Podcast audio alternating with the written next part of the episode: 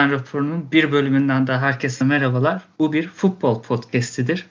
Bu programda biz futbolun konuşulmayanlarını konuşuyoruz. Her hafta belirlediğimiz bir konu çerçevesinde futbol tartışıyoruz, konuşuyoruz, fikirlerimizi açıklıyoruz. Bu hafta da turnuva takımlarını konuşacağız. Ben Oğuz Fırat, yanımda her zamanki gibi Emre Ulusaç var. Nasılsın abi? Abi nasıl olayım? Biraz sinirliyim malum üniversite yüzünden. Hayırdır ne oldu? Abi bir süredir sen de belki takip ediyorsunuz. Şimdi üniversitenin ismini vermeyeceğim. Problem yaşamayalım oradan buradan. Millet şey yapmasın da. Malum üniversitenin finalleri bir türlü abi hazırlanamadı. Finallerinin ne olacağı bir türlü sisteme oturtulamadı. Yani şu anda rektörlük, hocalar ve öğrenci üçgeni var böyle sert çekişmeli ve nedense o üçgenin batan kısmı ilk öğrenci oldu. Yani böyle rektörlük bilgisiz bıraktı falan hocaları. Hocalar rektörlükten gelen bilgisizlikle veya belki de bilgililik bilmiyoruz daha. Yani aralarında ne geçiyor sonuçta onu da tahmin edemiyoruz da. Öğrenciler, e, hocalar öğrencilere karşı sert bir tutum sergiledi. Bir de bir tane uygulama mı ne uydurmuşlar. E, şimdi ismini de hatırlamıyorum da. Ne o tarz bir şey işte. O da böyle insanları mağdur etmiş. Sınavlara normalde işte daha kolay girmelerini sağlayacak. Bir arayüz gibi bir şey galiba bu uygulama. Ama öğrenciler mağdur etmiş. Öğrenciler işte sınav sırasında çıkmışlar falan. Yani tam da bilmiyorum. O konuda emin değilim. Duymadım. Ama galiba bu uygulama da yani senin de büyük ihtimalle çok rahatça tahmin edebileceğin üzere okulun sponsorlarından mı? Yani destekçilerinden birinin, o şirketlerden birinin e, geliştirdiği bir uygulamaymış. Anladım. Yani işte bu tarz bilinmezliklerde insan istiyor ki rektörlük bir açıklama yapsın, öğrencilerin içine rahatlasın ama atıyorsun işte Twitter'dan rektörlüğün falan sitesine. Yeşil kampüs, yok yeşil kampüs, yok kampüsümüz çok yeşil, otumuz yeşil, ağacımız yeşil. Yani bilmiyorum bana sanki biraz şeymiş gibi geliyor. Biraz sanki cepleri yeşilmiş gibi geliyor ama neyse ben Biraz konuşmak istemiyorum o- bu konuda. olay o sanırım. Yani birileri para kazanacak diye böyle bir uygulama yaptılar. Sonra da millet mağdur oldu. Bu mudur yani? Evet yani işin bir tarafı bu. Diğer tarafı da hocaların sert tutumu. Anladım. Geçmiş olsun abi. Ne. Eyvallah. Sen nasılsın abi? İyi ne olsun. Her zaman İyi. takılıyoruz işte. Evdeyiz yani. Ne yapalım? Senin tabii sorumlulukların bitti değil mi? Aynen benim bitti dersler, mersler. Yani daha notlar falan da açıklamam. Neyse şey konuya geçelim ya. Yani futbol. Futbol abi. Aynen. Futbol. Aynen. Bu hafta turnuva takımlarını konuşuyoruz dedik. Birazcık turnuva takımları nasıl? Yani nasıl turnuva takımı olur? Kimler turnuva takımıdır? Biraz bunu konuşacağız. Başlamak ister misin abi? Tabii. Abi ben Dünya Kupası'nı baz alarak bir e, tablo çıkardım. Bu tabloda ülkelerin başarılarını kendi bir e, şey puanlama sistemi oluşturarak sıraladım. Tabii bu tablo sadece Dünya Kupası'nı baz alıyor. Önce bir Avrupa Kupası'nı da ekleyeyim dedim. Ama sonra dedim ki Copa Amerika var. E şimdi bu tabloda olan Brezilya'ya, Uruguay'a ve Arjantin'e ayıp olur. Çünkü. Copa Amerika'nın sistemi farklı, Avrupa'nın sistemi farklı. O yüzden sadece Dünya Kupası'na sınırlı kaldım. O yüzden dinleyen arkadaşlar da şey derlerse işte ama o ülkenin şurada Avrupa Kupası var ama o ülkenin bilmem kaç tane Copa Amerika'sı var sadece Dünya Kupası'na nazaran. Hı hı, anladım. Abi tablodaki ülkeleri sana sayıyorum. Zaten çoğunu tahmin edersin. Arjantin, Uruguay, Hollanda, Fransa, Brezilya, Almanya, İtalya, İspanya ve İngiltere. Şimdi Hı. sana çok güzel bir sorum var abi. Sence en başarılısı hangisi? En başarılısı. Yani muhtemelen İtalya, Almanya falan diyor. İkisi arasındayım ama muhtemelen Almanya'dır ya. Haklısın. Peki sence en başarısız hangisi? En başarısız. Yani bu, bu soruya muhtemelen çoğu izleyici eğer bilmiyorsa dinleyici çok bilmiyorsa Uruguay falan diyecektir de yok Uruguay'ın sanırım iki tane Dünya Kupası var. Uruguay'ın evet iki tane Dünya Kupası var. Üç tane de dördüncülüğü var. Yani Hollanda var mıydı bunların arasında? Hollanda olabilir. Hollanda. Var var. Hollanda'dır herhalde. Hollanda'nın hiç Dünya Kupası yok çünkü galiba değil mi? Hollanda'nın hiç Dünya Kupası yok. Lakin abi en başarısızı İspanya. Hmm. Şaş- şaşırtılıcı değil mi? Çünkü 2008'den 2012'ye kadar yani 2010 Dünya Kupası'nı aldılar. Bir ambargo koydular. Baktığın zaman çok iyi bir jenerasyon izledik. Ama genel Dünya Kupası'na baktığında abi en başarısızı İspanya. Yani evet e, çok böyle yarı final final oynamış bir takım değil tarihe baktığında. Yani biraz yani iyilerse kazanmışlar ve bizim izlediğimiz, çok yakından tanıklık ettiğimiz jenerasyon dışında aslında geçmişte hiç başarılı bir jenerasyon çıkartamamışlar. Hı hı. Şimdi ben sana listede ilk üçü okuyacağım. Bence şaşırmazsın zaten. Birinci tabii ki de Almanya. Yani 37 puan toplamış. Bu 37 puanı 4 kere şampiyon olarak, 4 kere ikinci olarak, 4 kere üçüncü ve bir kere de dördüncü olarak toplamış. Yani baktığın Hı. zaman 20 Dünya Kupası'nın 13'ünde yarı final oynamış bir takım var. Bu puanlama sistemini sen yaptın değil mi? Evet abi şampiyona 4 puan verdim. İkinciye 3 puan. Üçüncüye Hı hı. 2 puan. Dördüncüye de 1 puan verdim. Anladım. Abi ikinci Brezilya. O da 32 puanla geliyor. 5 puan arkasında Almanya'nın. Brezilya aslında daha fazla kazandı Dünya Kupayı. 5 tane Dünya Kupası kazandı. Ama o seviyelerde, yarı final seviyelerinde oynadığı sadece 11 turnuva var. Yani Almanya'dan 2 turnuva daha az. E üçüncü de sen de zaten programın başında söylediğin İtalya. O da Almanya ile eşit sayıda Dünya Kupası olmasına rağmen onun da bu seviyelere çıkması sadece 8 turnuvada gerçekleşmiş. Abi sence bu bu üç takım ne yaptı da diğerleri yapamadı? Şöyle e, eğer birinciden yola çıkacaksam Almanya'da bir kere herkesin de Almanya deyince, Almanlık deyince aklına ilk gelen şey muazzam sistem oluşturma. Sürekli e, üst yapıyı altyapılarla beslemek ki ben eğer turnuva takımı olunacaksa nasıl turnuva e, takımı olunur cevabı aranıyorsa biraz A milli takımları e, altyapıdan sürekli oyuncularla desteklemek olduğunu düşünüyorum. Bu başarıya giden yolda e, anahtar e, nasıl diyeyim anahtar unsurun. E, Brezilya'yı eğer ele alacak olursam yani Brezilya bireysel yeteneklerden e, hep kazanmış bir takım. E, bu ge- geçmişte e, futbolun önceki halinde çok önemliyken şu an artık e, o kadar önemli önemi yok. Hani geçen hafta da konuştuk artık sistem yaratmak önemli. O sistemin devamlılığını sağlamak önemli. O sistemi sürekli geliştirebilmek önemli. E, Brezilya son 10 yıldır falan bunu yapamıyor. Yani tabii ülkenin e, belki ekonomisini de göz önünde bulundurduğun zaman ülkenin içindeki kendi sıkıntılarını falan da düşündüğün zaman hani bu konuda Avrupa ülkelerinin başarılı olması daha kuvvetle muhtemel ki görüyoruz işte yeni yeni Belçikalar çıkıyor. Hırvatistan son belki 10 senedir çok iyi durumda. İşte en son Dünya Kupası finali oynadılar. Ee, Avrupa Birliği'ne belki bunun girmesinde e, bunun çok büyük bir payı var. E, yani o sistemleri oluşturmadığınız sürece siz e, o eski başarılarınızı da devam ettiremiyorsunuz. E, Doğru. üçüncü Doğru. İtalya, abi.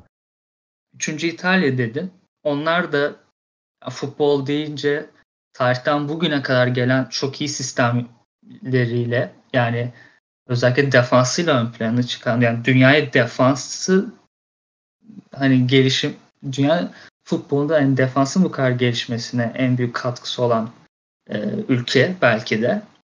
E, kulüp takımları da keza işte Juventus olsun e, sonra Ber- Berlusconi ile birlikte Milan olsun.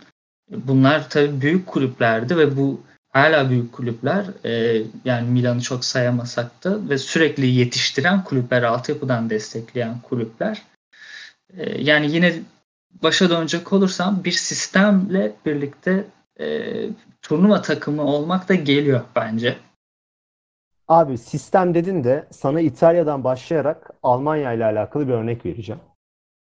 Fark ettin mi? Atalanta üçlü savunma oynuyor. Lazio üçlü savunma oynuyor. Inter şu an tam olarak neye oynadığını hatırlamıyorum ama en son izlediğimde üçlü savunma bir maç Üçlü, oynamışlar. üçlü. Tabii. Üçlü. Juventus üçlü savunma oynuyordu birkaç sene önceye kadar. Sonra bir değiştirmeye çalıştılar. Ee, Ronaldo'nun gelişiyle bir 4-3 denediler ama galiba sonra üçlü savunmaya geri döndüler. Evet. Yani baktığın zaman aslında İtalya ligindeki Serie A'daki baş takımların hepsi benzer taktikle ve benzer oyun anlayışlarını sergiliyor. Hı hı. Aynen. Al- Almanya'da bunun yansıması e, şöyle bir Almanya'da Alman Futbol Federasyonu'nun getirdiği bir kural var. İstediğin taktikle maça çık, istediğin e, antrenmanları oyna, istediğin dizilişleri yap. Lakin sen haftada 6 gün atıyorum örnek veriyorum 4-3 oynuyorsan Hı hı. ben şu anda Almanya teknik direktörüyle konuştum. 2018 Dünya Kupası'nda örnek veriyorum. Yani 2021 Avrupa Kupası'nda Alman teknik direktörü şu oyun anlayışına sahip bir Almanya, şu dizilişte ve şu antrenmanlarda şu özellikleri kazanmış futbolcular oynamak istiyor. O yüzden sen haftada 6 gün istediğin taktiği yap. Kulüplere sesleniyor tabii. Ama haftada bir gün ortak yapmanız lazım. Dortmund'da, Bayern Münih'te, Leverkusen'de, Werder Bremen'de haftada bir gününü ve artık işte onu nasıl bir sisteme oturtmuşlarsa Almanya milli takımını için taktik yapıyorlar. Almanya milli takımı için antrenman yapıyorlar ve o dizilişlerde maç yapıyorlar. Artık hazırlık maçı mıdır, antrenman maçı mıdır? Ve bu da Alman Futbol Federasyonu'nun getirdiği siz bir yani biz bir sistem oturtmaya çalışıyoruz ya bunu kulüplerle yapabiliriz. O yüzden kulüplerin bazı konularda ortaklaşması lazım. Ve özellikle bunu A takımları değil de altyapı takımlarını daha çok uyguluyorlar. Çünkü o altyapı takımları 18'ler, U17'ler, U19'lar eğer belirli ekollerle, belirli sistemlerle gelişirlerse milli takıma geldiklerinde hani senle de programdan önce biraz konuşmuştuk ya. İşte o alışma süreci, milli takım hayatlarında aslında o milli takımdan öncesi alışma süreci. O alışma süreci mü- mümkün olduğu kadar kısa geçer. Almanya böyle bir sistem uyguluyor. İtalya bunu böyle bir dayatma var mı bilmiyorum. Yani Almanya'da var biliyorum ama İtalya'da var mı bilmiyorum. Ama İtalya'da baktığın zaman yine benzer dizilişlerle, benzer taktikler uygulayarak. Evet oyuncu kalitesinden dolayı belirli sıralamalar oluşuyor. Evet küçük farklılıklar var oyun anlayışlarında. Lakin diziliş ve e, asıl taktik, asıl mentaliteye baktığın zaman benzer oynuyorlar. O yüzden Almanya ve İtalya çok kalitesiz. Kalitesiz oyunculardan kastım e, Brezilya'da olduğu gibi böyle yıldız oyuncular. Ki Brezilya her jenerasyonda 2-3 tane gerçekten iyi oyuncu çıkartıyor. Yani 2014 Dünya Kupası'nda çok başarısız olmasına rağmen yani o takımda Neymar gibi dünyanın en iyi oyuncularından biri vardı. Yani- Aynen öyle. Veya işte başka mevkilerde yine onun, onun kalitesine yaklaşabilecek. O zamanlar hatta Oscar diye bir çocuk vardı. Çok gelişir, çok iyi olacak deniyordu. Çin'e gitti. Neyse. Almanya ve İtalya ne kadar kalite olarak düşük oyunculara bile sahip olsa bu ekol, bu sistemden dolayı bence her türlü belli bir başarıya, başarıya ulaşacaklar. Ben yani şunu çok net söyleyebilirim. Bundan 10 Dünya Kupası sonra da Almanya ve İtalya puanlarını yükseltecek. Garanti yükseltecek. Diğer ülkeler için aynı şeyi söyleyemem. Kesin diyemem. Ama Almanya ve İtalya kesinlikle yükseltecektir abi. Muhtemelen öyle olacaktır. Yani e, İtalya şey özür dilerim Almanya ile ilgili verdiğin örnek enteresanmış bayağı bilmiyordum öyle bir şey olduğunu. Öyle abi öyle. Ben de birkaç Güzel bir sene önce öğrenmiştim. Güzel bir sistemmiş. Yani bir yandan da milli takımı düş, düşünüyorum. Yani bunu yeni mi koydular bilmiyorum ya da hep var mıydı bilmiyorum. Belki Vardı vardı. Ha, e, yani yeni koydularsa belki son Dünya Kupası'nın e, etkisi, başarısızlığın etkisi vardır diyecektim ama e, her zaman varmış. Yani şimdi e, düşündüğün zaman mesela Türk milli takımını düşündüğümüz zaman e, altyapılarda Avrupa şampiyonluğu kazandık. Abdullah Avcı'ylaydı sanırım. Ya da final mi oynamıştık tam hatırlamıyorum. E, bu bir çok, çok büyük bir başarı aslında. Ama o milli takımdan sonra A milli takımla oynayan e, bir oyuncu olmadı yani. Görmedik oyuncuların gelişimini. Bunun sebebi de sen o oyuncuları devamlılık sağlayamıyorsun. Senin öyle bir sistemin yok. Onları bir üst kademeye çıkaracak e, antrenör ekibin yok. O- işte hocaların yok. Her neyse e- eğitimcilerin yok. Böyle bir sistem kurmamışsın. Ve sen sürekli yani buraya çok girmek istemiyorum aslında. Bu e, herkes çok konuşuyor bunu. Şu anda da popüler bir konu işte yabancı kuralı falan. Sadece şunu diyeceğim. Yani dünyanın hiçbir yerinde şey yok abi.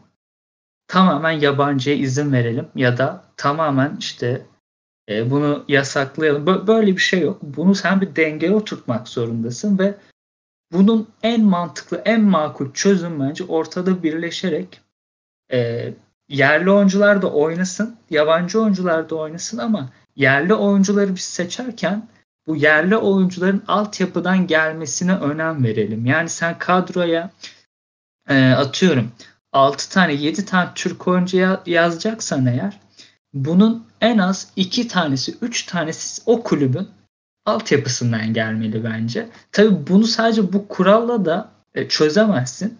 Bu kuralı getiriyorsan ona yönelik yatırımlar da yapman gerekiyor. İşte tesisini yapacaksın, hocasını getireceksin, kendi hocalarını burada eğiteceksin. E, ondan sonra bir sistem oluşuyor zaten ve e, en önemlisi de sabırlı olacaksın. Türkiye'de sabır yok. E, örneğin abi Malatya Spor'u ele alalım. E, birinci lige çıktılar, Süper Lig'e çıktılar. E, Feyyaz Uçar'la çıktılar yanlış hatırlamıyorsam. Ardından zaten o klasik vardır Bankasya'dan yani Bankasya'da işte PTT'den Süper Lig'e çıktığı zaman bizim bir önce yap, ilk yapılacak iş şeydir abi. E, kulüpler teknik direktörlerini değiştirirler. Yani bir evet, evet. devam etmezler maalesef. E, Aynısı işte, Yılmaz Vural'ın da sık sık başına geliyor hatta. Yani onun başarılı olup olmadığı tartışılır da. E, ya başına geliyor ondan söyleyeyim dedim. Aha, yani e, işte Ma- Malatya Spor örneğinden gidelim. Mesela işte Feyyaz Uçar'ı kovdun. Sonra Erol Bulut. Erol Bulut da gayet başarılı oldu Malatya'da. Erol Bulut gitti. Sergen Yalçın geldi. E, Sergen Yalçın'la e, 6.lığa 5.liğe kadar çıkmışsın sen. Tamam Beşiktaş istedi. Hani duygusal mevzu vardır falan. E, Erol Bulut'la da devam edemedin. Yani e, devamlılık yok. Sen bir e, sabır göstermiyorsun hoca. Yani 100 bin euro fazla istedi diye sözleşmesini uzatmıyorsun. E sonra e, biz nerede hata yapıyoruz? Biz neden oraları oynayamıyoruz? E, cevabı çok basit. Cevap çok Doğru basit. söylüyorsun abi. Zaten Türkiye'de bu tarz şeyleri e, milli takım yapılandırmasının gerçekleştirilmesi için önce zeki adamların e, yetkili pozisyonlarda çok fazla durması lazım. Bizim ülkede zeki adamlar çok fazla yetkili olmuyor biliyorsun. Ya zeki demeyelim de zekilik farklı bir konu. Yani liyakat yok diyelim. Olur. Bence belli bir liyakat sahibi olmak da zeka gereksinimidir de. Ya yani, tabii orası öyle. Orası öyle muhakkak. Yani, yani Türkiye'de zaten ya ben çok girmek de istemiyordum programa. Yani Türkiye çünkü biraz daha bana barutmuş gibi geliyor şu an. Çünkü çok kötü bir tarihi var Türkiye'nin. Bir tane üçüncülüğü var. Şenol Güneş'le. Yani iyi bir kötü de... bir kadroydu. Bir şey diyemem. Ha, söyle dinliyorum abi. Bir de şey diyecek işte Avrupa. Ha, Avrupa'da evet. Bir tane de Avrupa'da üçüncülüğü var. O kadroyu ben pek sevmiyordum. O yani bu bir kişisel benim şeyim, görüşüm. Yani o kadro bence çok acayip kaliteli bir kadro. 2002'deki kadar kaliteli bir kadro değildi o kadro. Yani evet yetenek olarak değildi bence de. Fatih Terim bence orada biraz büyüsünü konuşturdu. Üçüncü yapmakta. Gerçekten çünkü aslında yani 2002'deki kadroyu yani şimdi bir karşılaştırıyorum da hücum attı, orta saha attı falan filan. Yok yok karşılaştırılamaz bence de canım. Yani savunma hattı çok fark ediyor bir kere. Yani Bülent Korkmaz evet, var evet. stoperinde. Diğerinde hani e, nasıl diyeyim daha Şimdi ağır hatırlamıyorum. ağır Servet Çetinler, Gökhan Zanlar falan var yani. Doğru söylüyorsun abi. O yüzden bu programda ben biraz da Türkiye'nin dışında aslında konuşmak istiyorum. Diğer futbol ekolleri nasıl yapıyor? Diğer ülkeler nasıl yapıyor? Biz onlardan nasıl dersler çıkartabiliriz? Ben bu tarz bir şey istiyorum. Çünkü biz Brezilya değiliz abi. Biz yani nasıl olduğunu hala anlamadığım bir şekilde her jenerasyon 3 tane 2 tane Neymar vari oyuncu çıkartamıyoruz. Yani Brezilya tarihinden beri bütün başarılarını gerçekten birkaç yıldıza yani borçlu. Brezilya'nın ben öyle oynadığım bir sistem, bir kulüplerin oluşturduğu bir ortaklaşa olduğunu düşünmüyorum. Zaten Brezilya'da o işler nasıl yürüyor ben de bilmiyorum. Yani orada ha, söyle söyle. Orada sistem diyebileceğimiz şu var abi. Yani sokak futbolu var. Yani ha, evet. ve şey olarak bu. Herkes e, annesinin karnından çıktığından beri tamam bu çocuğu futbola yönlendireceğiz deniyor. Çünkü hani fakirlikten dolayı tek kurtuluş yolu o olarak gözüküyor. Ona bir yönlendirme var. He, yani bu e, tesislerdir işte dediğim gibi hocalardır falan o kısmını bilemiyorum. O, o tarzda bir sistemleri hani bir e, Almanya bir Fransa kadar yok muhtemelen. Yani benim canım. en azından bilmiyorum belki de bu konuda eksiğim bir bilgim yok çok fazla. Ama e, yani dediğim gibi düşüşü görüyoruz zaten. Ya o evet o Brezilya'nın düşüşüne aslında bir dur demek lazım. Çünkü Brezilya'da baktığı zaman tarihi olan bir milli takım.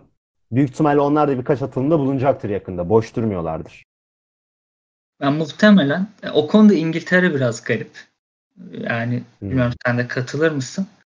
Hani futbolun evet. doğduğu yer e, bugün belki de çoğu insan tarafından kabul edilen en büyük lig Premier Lig olmasına rağmen milli takımlarda hep bir hayal kırıklığı, hep bir hüsran. Bunun sebebi biraz şey. İşte Gareth Southgate de en son bundan yakındı.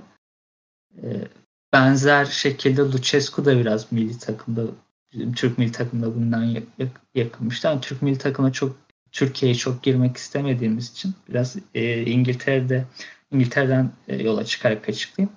Yani Gareth Southgate e, şey dedi yani bizim kulüp takımlarımızda işte Chelsea, Liverpool, Manchester United büyük takımlarımız olsun işte küçük takımlarımız olsun genelde bizim e, takımların en iyi oyuncuları hep yurt dışı bazlı. Haksız da sayılmaz. E, işte Liverpool düşünüyorsun. Salah, Mane, Firmino, Van Dijk hiçbiri İngil İngiliz değil. City düşünüyorsun. De Bruyne, Bernardo Silva, Agüero. İşte bunlar İngiliz değil. İşte diğer takımlarda da aynıdır. Hani e, bu ilginç bir şey ki İngiltere yetiştirebiliyor aslında. Yani şu jenerasyonu fena değil. Gerçi Dünya Kupası üçüncülüğü de gördüler ama biraz şaibeli bunu ne kadar sürdürebilecekleri. Yani bu kadar sistemi olup da bu kadar hmm, yani çok nispeten başarısız olabilecek bir takım garip yani. Garip geliyor bilmiyorum. Bunu çok açıklayamıyorum. Ee, İngiltere'yi bir maden olarak düşün abi. Bir futbolcu madeni. Ve hı hı. kulüpler de o madeni işleyen makineler. Ve sen nasıl oluyor da İngiltere gibi yani o makinelerin bu kadar gelişmişken ve İngiltere gibi uzun yıllardır futbol oynayan bir ekole sahipken o kadar başarılı oyuncuları sen çıkartamıyorsun da yurt dışından gelen Guardiola gelip e, adam yetiştiriyor. Jurgen Klopp gelip adam yetiştiriyor. Diğer ülkelerdeki teknik adamlar hepsi yabancı. Pardon, diğer takımlardaki teknik adamların hepsi yabancı. Yani senin kaliteli teknik adamın yoksa git yetiştir. Kaliteli bir altyapı sistemin yoksa illa sen başka ülkelerden gelen teknik adamların kendi oyuncularını parlatmasını bekliyorsan git bunu kur yani.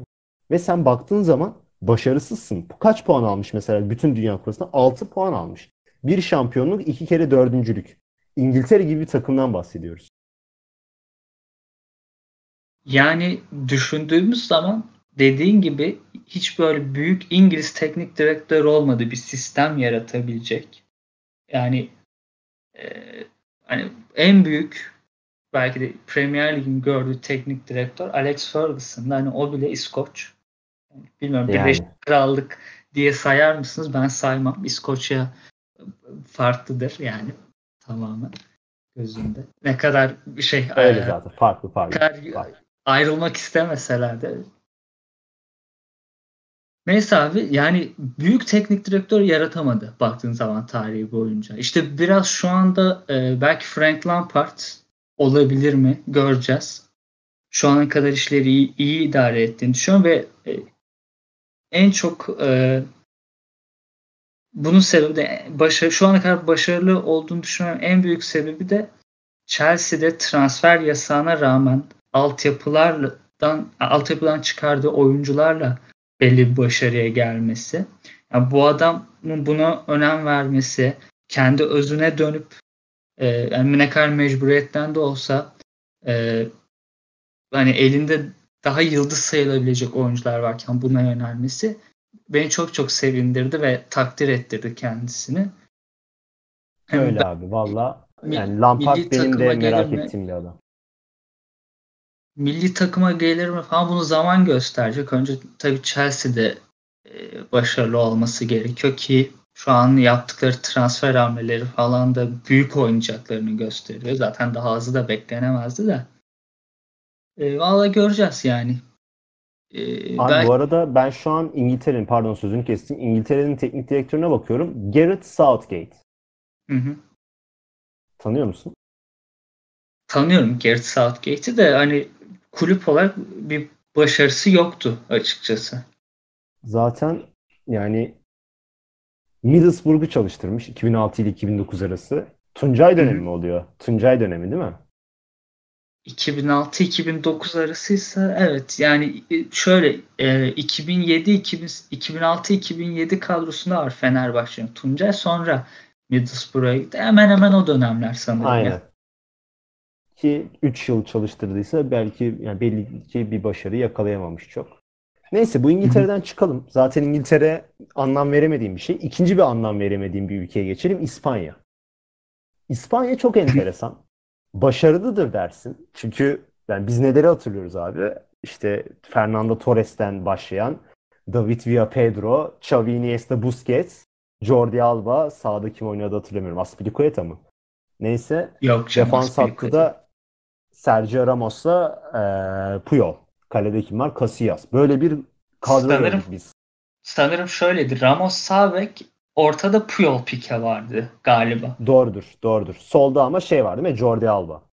Jordi Alba şeyde var. E, ikinci Avrupa şampiyonluğunda var. İlkinde de o yok ya. Yani şimdi Villarreal'den sanırım birisi vardı. Tam hatırlam hatırlayamadım ya. Evet. Neyse yani ben de pek hatırlayamadım. bir kadro yani. Zaten muazzam bir kadro bu kadroyu nasıl bir jenerasyona sığdırdın ama bundan bir önceki jenerasyonda kimse yok. Bundan bir sonraki jenerasyonda neredeyse kimse yok.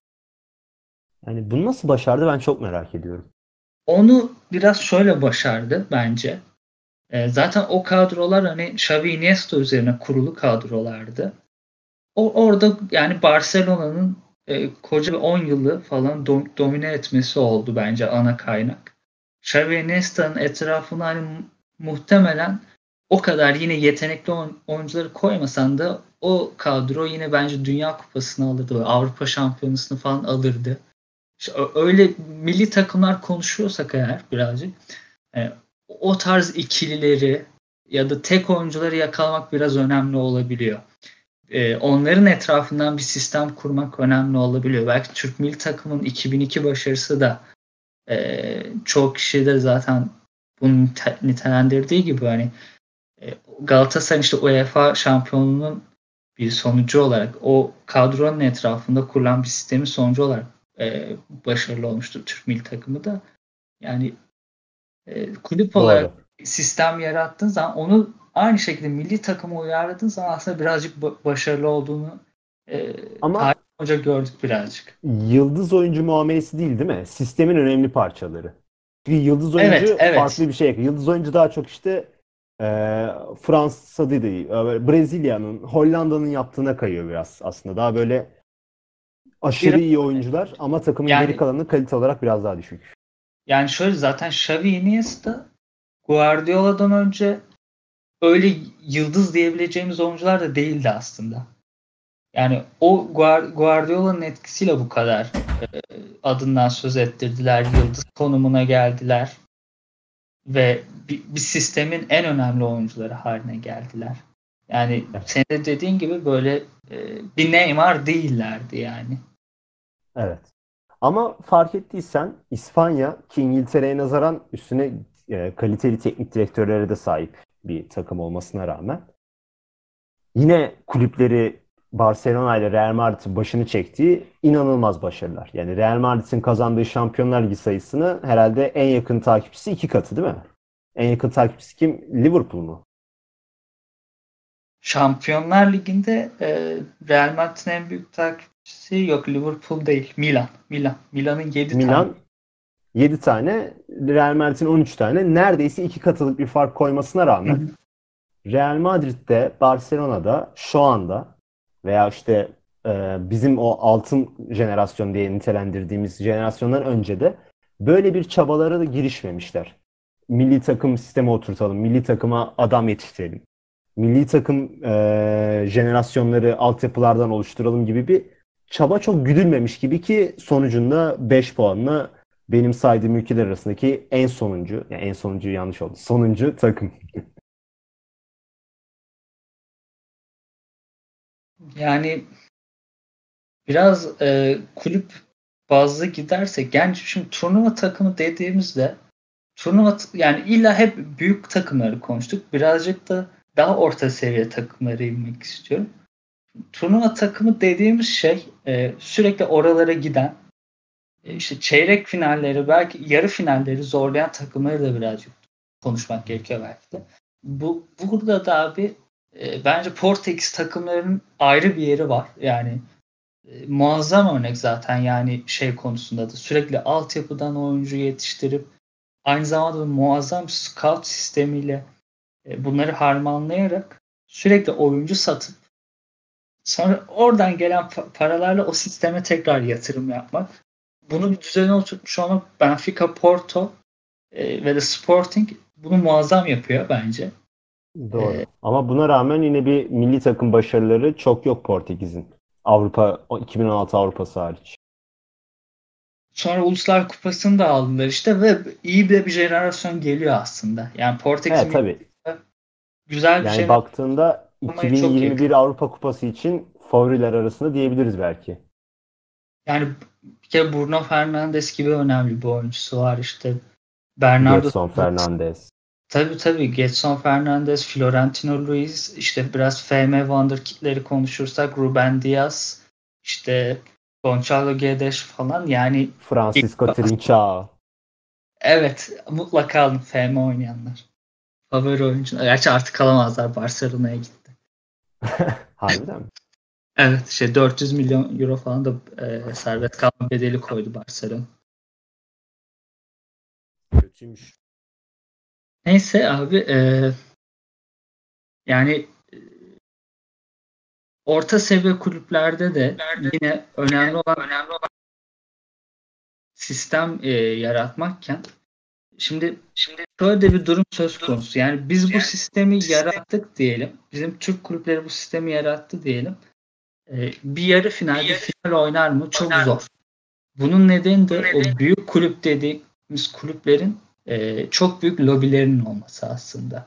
Yani o seviyelere mu, mu, mu, muhtemelen gelemeyeceğiz. E, ama e, oraları zorlamak da önemli. Şimdi şimdi şey yorumlarını falan da görüyoruz. Özellikle sosyal medyada. İşte gittiniz 6-7 tane yediniz işte Bayern Münih'ten, işte Real Madrid'den falan. Önemli olan zaten Real Madrid ile Bayern Münih'le karşılaştırmak. Yani finali yükselsen de sen Bayern Münih'le Real Madrid'le oynayacaksın. Ee, o kulüplere karşı kendini sürekli test edebiliyor olmak. Bunun sebebi ya bunun e, bunu yapmanın birinci kaynağı da e, devam olarak yetiştirmek. Yani yine altyapıya geliyor aslında.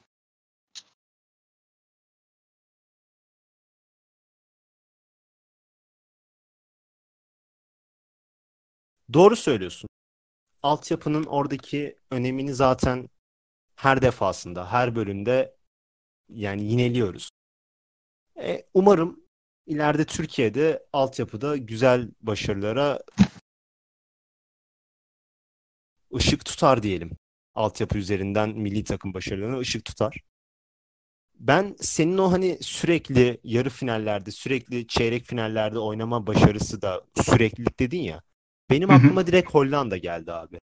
Aslında Hollanda'nın hiç Dünya Kupası olmamasına rağmen 3 kere final oynadı biliyorsun ikinci oldu.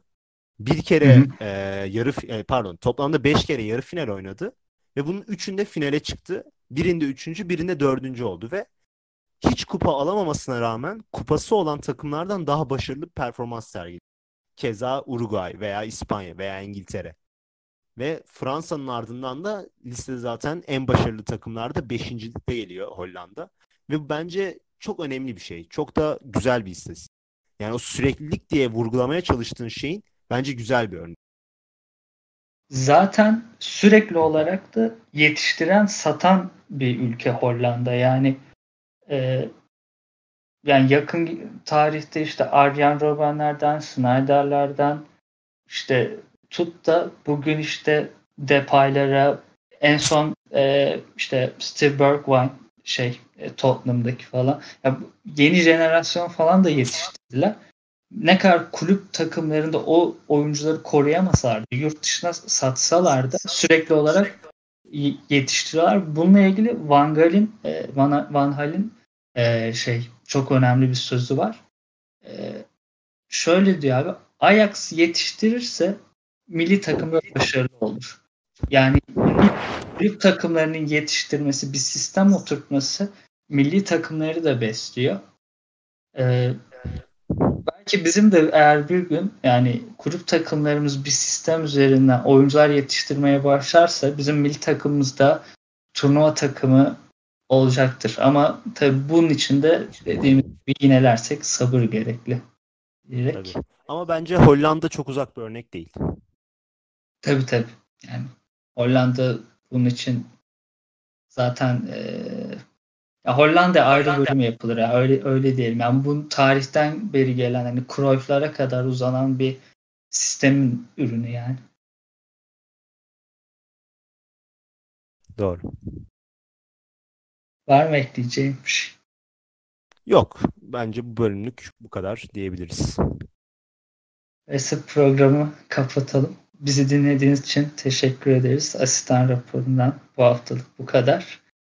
Ee, bize e, Instagram nereden çıktı ya? Twitter'dan asistan raporu ya aratırsanız çıkarız takip edebilirsiniz. Aynı şekilde asistan raporu at gmail.com'dan bizlere önerilerinizi Spotify'dan da takip ederseniz keza. Aynen. E, takip edin falan beğeniyorsanız. Çevreye önerin tabii. Beğeniyorsanız yine. Biz dinlediğiniz için teşekkür ederiz. Görüşmek üzere. Hoşçakalın. Hoşçakalın.